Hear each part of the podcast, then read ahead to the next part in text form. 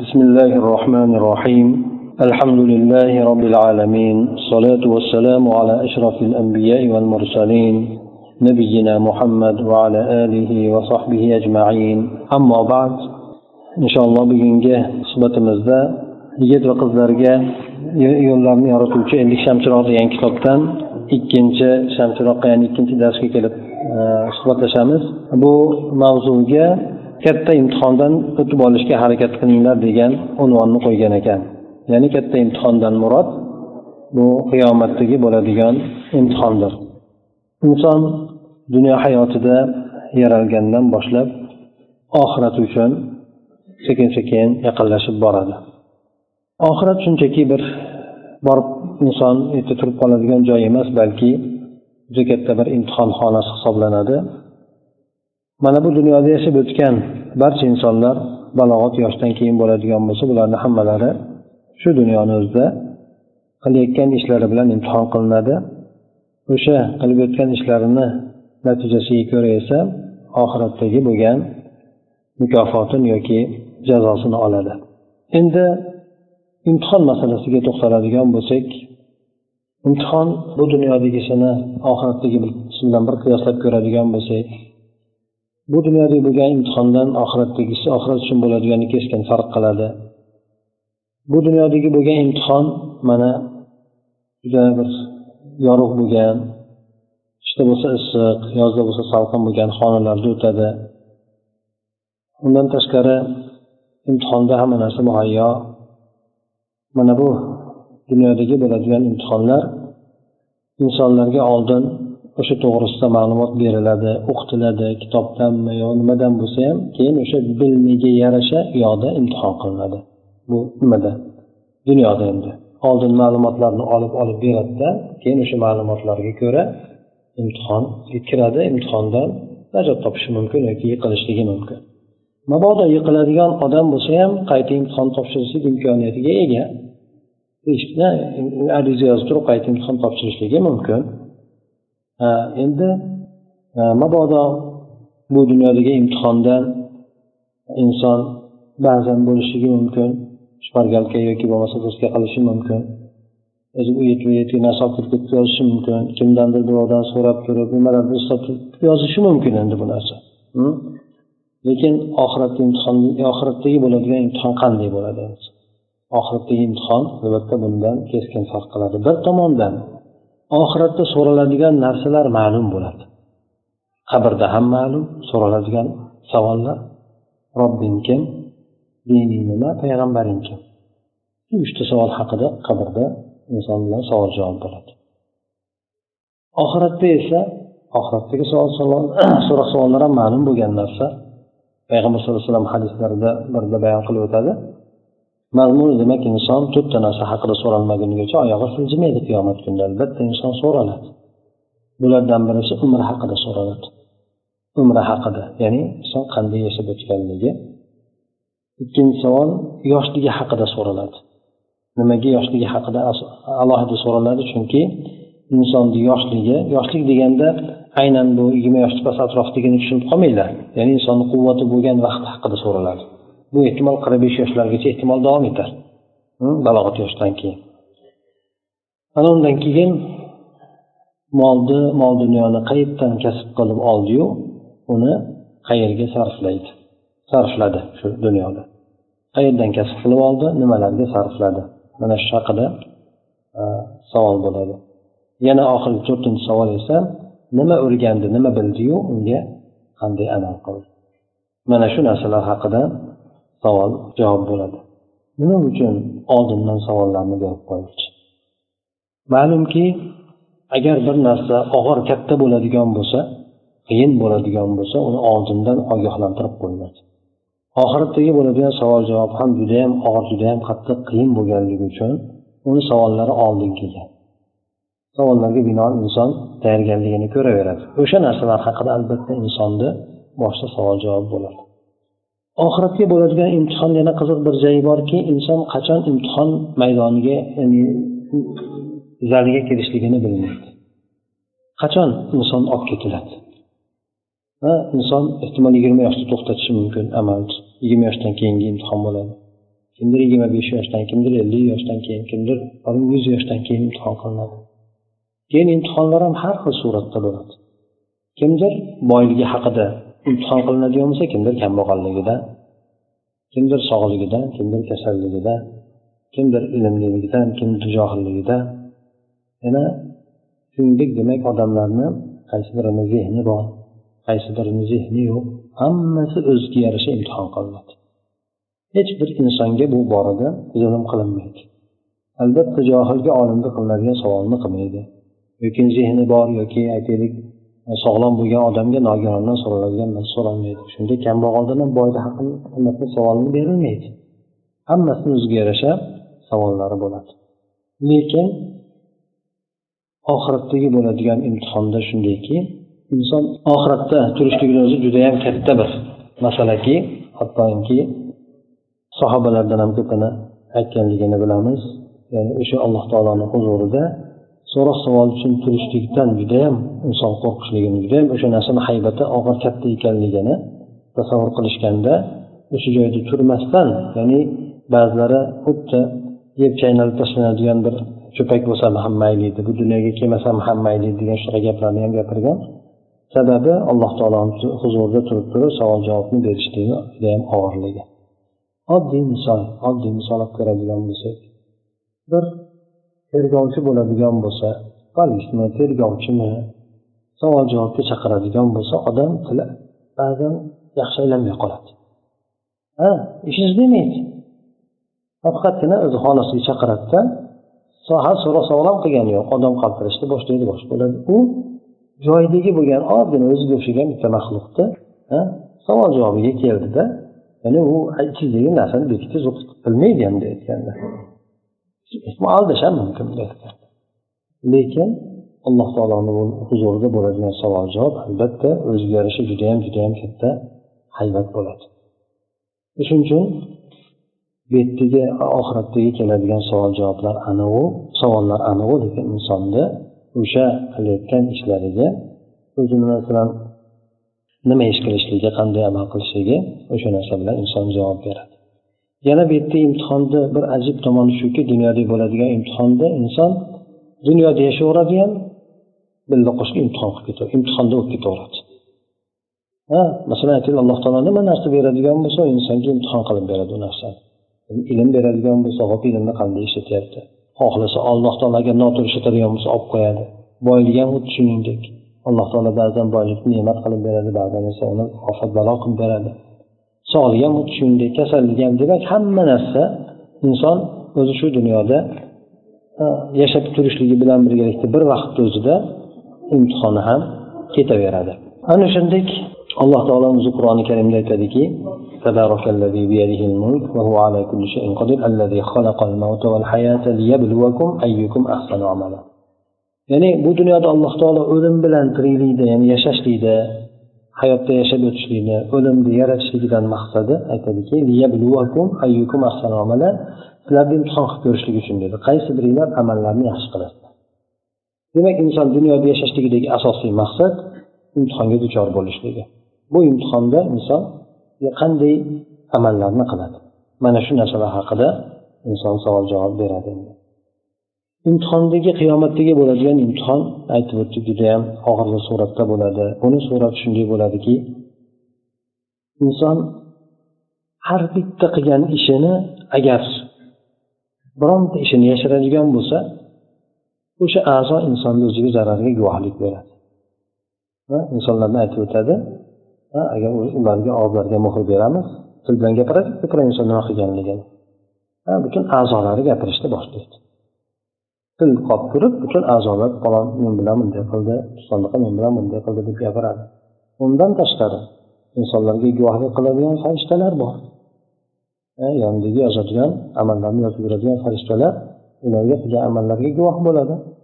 Bundan tashqari insonlar bor qilgan amallariga guvoh bo'lgan agar insonlardan yashirib qilgan taqdirida ham o'sha yerni bo'lsa bir joy bo'lsa o'sha joyni o'ziga ham guvohlikka o'tadi chunki yaxshilikka guvohlikka o'tadi joylar.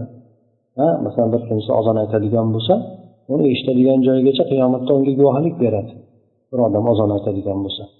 O'sha eshitgan joyigacha bo'lgan maxluqotlarmi joylarmi hammasi qiyomat kunida insonga guvohlik beradi.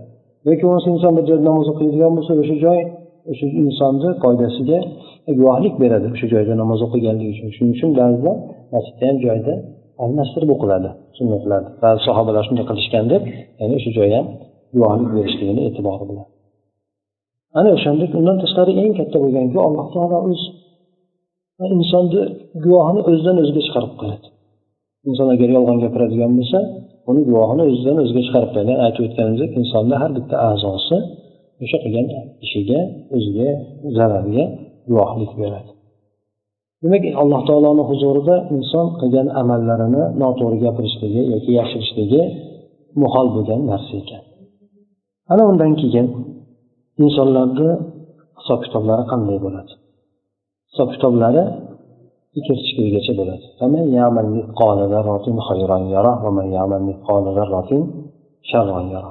Inson zarracha misqol zarra bilasizlar judayam insonni ko'ziga ko'rinmaydigan narsa. Ya'ni judayam judayam kichik inson e'tibor bermaydigan ha bu narsa nima bo'lardi deydigan gunohlari ham hisob kitob qilinadi. Shuningdek hech narsa emas bu narsa ya'ni qanaqa savob ham bo'ladi degan kichkina amallarni ham olib kelib ularni ham hisob kitob qilinadi shuning uchun qur'onda ham keladi. Qanday inson amal qiladigan bo'lsa albatta biz o'sha narsani taroziga olib kelamiz. Tarozi u kichkina bo'lishidan katta bo'lishidan qat'iy nazar. O'sha taroziga insonni amallari qo'yiladi. Judayam judayam nozik tarozilar ya'ni mayda narsalarni ham o'ziga tortadigan tarozilar bo'ladi hattoki alloh taolo adolatini ham ko'rsatib qo'yadiki savoblari bilan gunohlari bir xil bo'lgan odamlar ham bo'ladi. Bularni ashobil arof deb aytishadi. Savoblari bilan gunohlari bir xil bo'lib qoladi. Bir muddat ularni o'shanday bo'lgan holatda jahannam bilan jannatni o'rtasida ushlab turiladi jahannamga yubormaydi sababi yaxshi amallari bor. Jannatga kirgani amallari yetmaydi. Gunoh bilan barobar bo'lib qolgan. O'shanday bo'lgan kimsalarda ham hattoki adolatni yuzasidan alloh taolo bir muddat ushlab turadida ana undan keyin ularni afv qilib jannatga hukm qiladi. Lekin o'shalarni ikkala nimasi savob amali bilan gunoh amali bir xil bo'lib qolgan paytida judayam bir sarosimada bo'ladi. Inson bilmaydi u paytda. Qayoqqa hukm qilinaman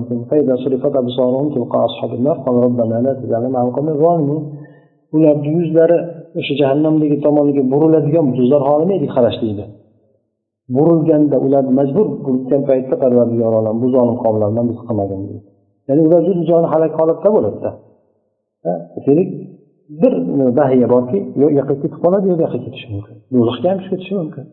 Shunday holatda turadida endi. Ya'ni do'zaxga ham ya'ni arosatda bo'ladi bunday aytganda ana o'shanday bo'lgan kimsalar alloh taolo do'zaxda ko'rsatilgan paytda parvardigor olam bizni o'shalardan qilmagan o'shalarga ozginagina ozginagina bir yaxshi amal bo'lganda tarozisi og'rib ketib jannatga hukm qilinardi birdaniga demak ularda shunday bo'lib qoladi demak bu narsa nimani anglatadi insonni qiladigan kichkina amali bo'lsa ham kichkina amal yaxshiligi bo'ladigan bo'lsa ham tarozida yaxshigina bir vazn berishligini tarozida kichkinagina amal bo'ladigan bo'lsa ham yaxshigina vazn bo'lishligini anglatadi o'shuning uchun inson payg'ambar alayhisalom hadislarida aytgandek ya'ni yaxshilikdan biron narsani arzimas sanmaydilar hattoki birodaringiz yuziga tabassum bilan qarash bo'lsa ham kichkinagina bo'lgan amal bo'lsa qo'yaveringlar haligi o'rinda judayam katta Ah, asqotadi undan tashqari kichkina amalni alloh taolo ko'paytirib ham beradi ixlosiga qarab turib. Shuning uchun asosiy insonni g'ami oxiratda imtihondan o'tib olishlik bo'lishi kerak. Dunyo imtihoni hech narsa emas. Bir sohaga kirolmasangiz boshqa sohaga ketishingiz mumkin.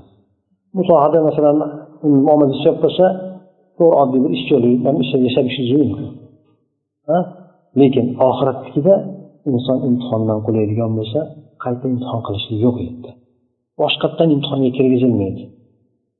So'radi alloh taolodan iso o'lim paytida aytadiki parvardigor olam meni dunyoga qaytaringlar men bir yaxshi amal qilib olay shunday chatoq ketib qolibdi bilmay qolibman unaqa bo'lib qolibdi. Bir muddat bir soatga bir muddatga qaytargin desa yo'q aslo bu mumkin emas. Balki bu insonni og'zidan chiqayotgan gap o'zi xolos. E'tibori yo'q bo'lgan narsa. Yana undan tashqari? Alloh taolo ham aytadiki undan tashqari agar deydi biz do'zax ashoblarni do'zaxga tushgan bular orzu qilishadi. Shu dunyoga qaytsak edi qanday unday qilardi bunday qilardi degan narsani. Garchi ular yana qaytadigan bo'lsa o'sha eski holatiga qaytishadi odamlar. Ana shunday demak inson o'zi ko'rsin mana go'yoki inson tasavvur qilsin tamom uning uchun imtihon tugadi hozir dunyo tugadi. Endi nima qiladi? Bu savollarga qanday javob beradi? Umri haqida yoshligi haqida boyligi haqida nimaga o'rgandi nima amal qilganligi haqida. Ya'ni bu umumiy suratdagi savollar undan tashqari ichki savollar bo'ladi. Insonlardan birinchi so'raladigan narsa namoz bo'ladi.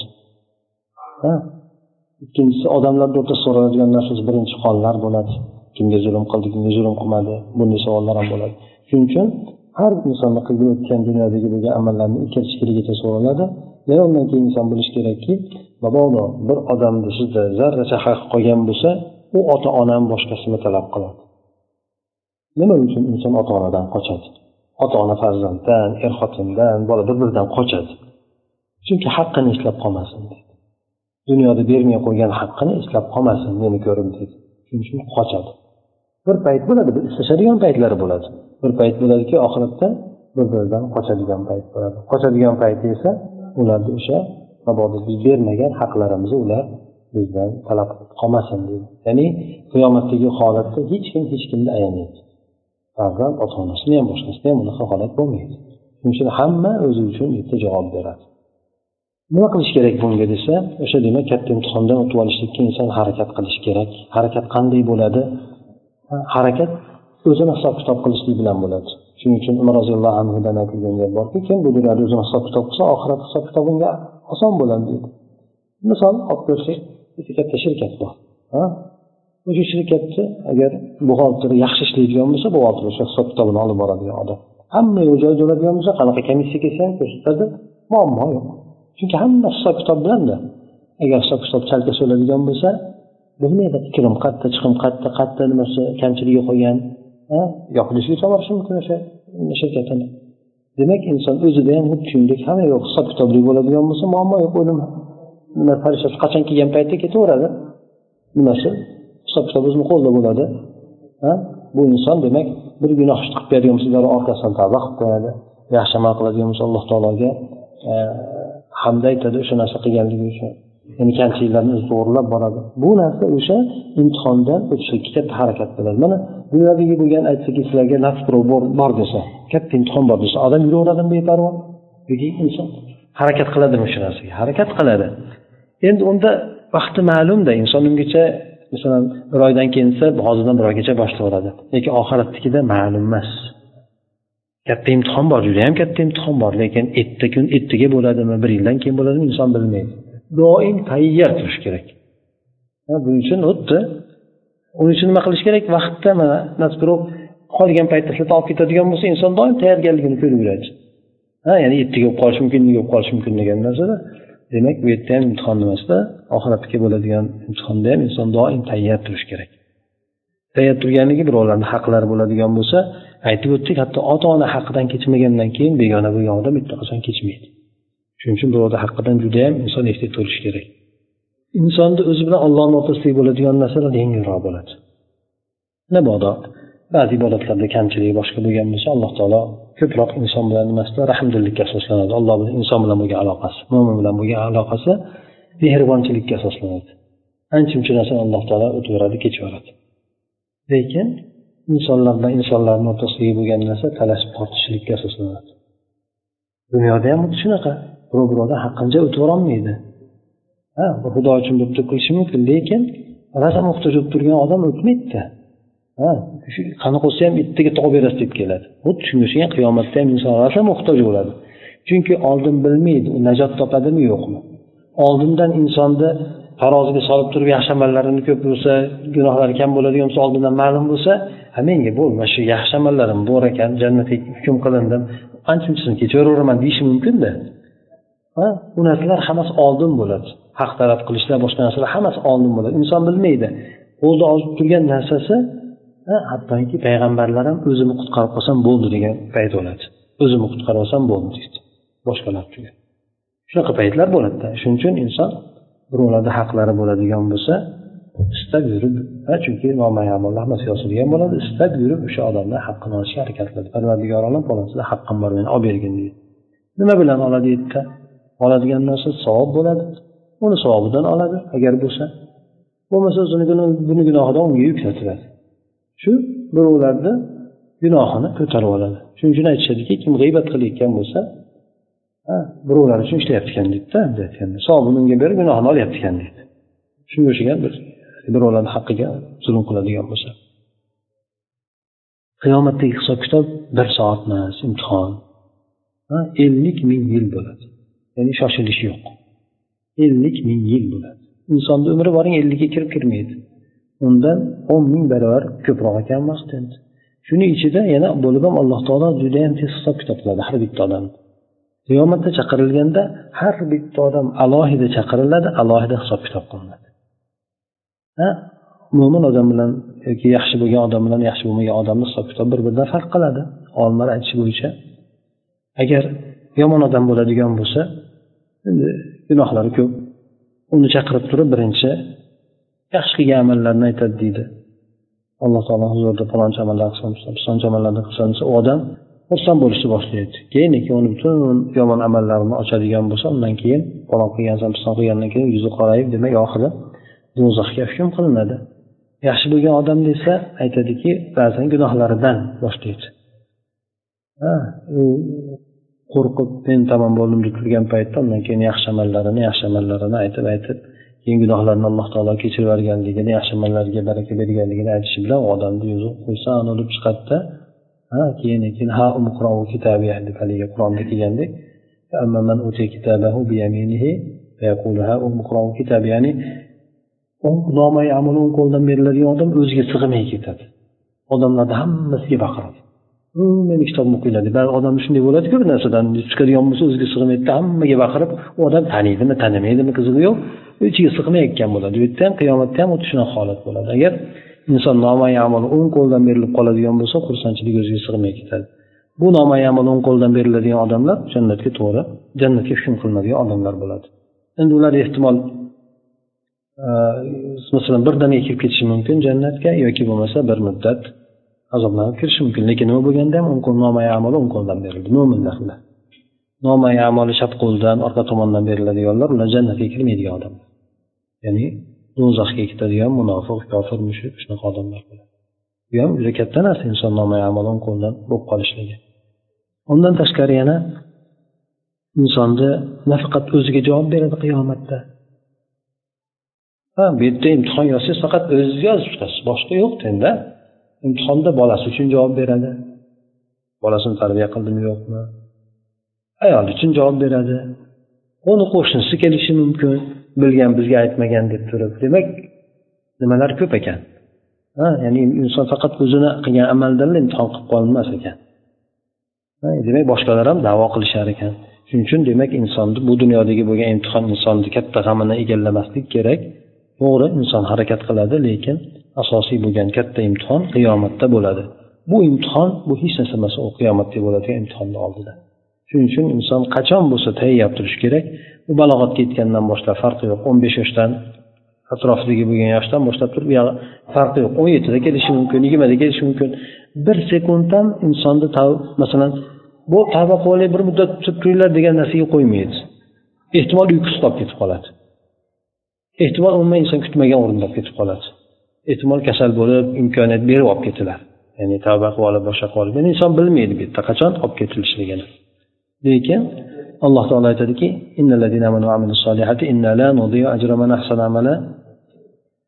ya'ni biz iymon keltirib solih amal qilgan kimsalarni amallarini zoya qilmaymiz deydi. Ya'ni yaxshilik bilan o'tkazayotgan odamni alloh taolo zoya qilmaydi. Ya'ni hayot yashayotgan hayotida ham dunyodan ketar paytida ham zoya qilmaydi. Alloh taolo o'zi saqlaydi. Lekin odamlarni ko'ziga yaxshilik qilib yurgan odamlar bo'ladigan bo'lsa bularni keladiki hadisda ham keladi. O'limiga bir bahya qolgan paytida taqdir kitobi o'zib ketadida shu bilan do'zaxlarda amalini qilib turib do'zaxga ketib qoladi deydi. Ana o'shandek demak yaxshilik qilgan odam ba'zan teskarisi bo'lishi mumkin. Yomonlik qilib yurib turib alloh taolo qalbidagi qanaqadir bir yaxshiligini biladida unga iymonni ato etadi yoki tavbani ato etadida tavbaga kirib bir muddat yashagandan keyin vafot etib ketadi. Ha bunaqa holat ham bo'lishi mumkin. Lekin umr mobaynida yaxshilik qilib kelayotgan odamni alloh taolo zoya qilmaydi. Adashtirib tashlamaydi. Lekin insonni o'zida qanaqadir bir qalbida bir marazdagi yo boshqasi bo'ladigan bo'lsa bunda inson ketib qoladi. Shuning uchun alloh taolodan doim o'sha qalbini poklashligini so'rash kerak. Ibodatni ham yaxshilik qilsa albatta alloh taolo qiyinchilikda qilgan bandani ibodatini u xursand bemalolchilik keyin boshqa paytlarda ham qiyinchilik bo'lgan paytlarda ham alloh taolo hech qachon uni zoya qilmaydi. Albatta uni o'z hifzu himoyasida oladi farishtalar masalan oxirgi kalimasi la illaha illalloh bo'lishligida ham yoki bo'lmasa yaxshi amalni ustida o'tishligida ham ya'ni alloh taolo uni hayot mobaynida oxiratga ketar o'rnida ham zoya qilib qo'ymaydi. Shuning uchun iloji boricha aytib o'tganimizdek bu yerda imtihonlar farq qiladi. Dunyo imtihonida inson judayam qattiq tayyorgarlik bilan boradi. Shu bu narsaga bir besh o'n so'm topay degan yoki qanaqadir diplom olay degan narsa bilan lekin oxiratnikida asosiy insonni katta ya'ni hayot mamotini hal qilib beradigan narsaga inson undan ham ko'ra qattiqroq harakatda bo'lishi kerak qattiqroq tayyorgarlikda bo'lishi kerak. Mana shu narsa demak bugungi mavzuyimizda yoshlarga shu narsani demak uqtirib aytgan sizlar imtihon paytiga rosa mos kelyapsizlar yoshinglar boshqa o'qishlarda boshqalarda oxiratni imtihoni esinglardan chiqmasin o'zi katta imtihon u narsadan asosiy demak harakat qilganlar amal yaxshi qilganlar uni o'tolmaydi xolos سبحانك اللهم وبحمدك نشهد ان لا اله الا انت نستغفرك ونتوب اليك اللهم انفعنا بما علمتنا وعلمنا ما ينفعنا وزدنا علما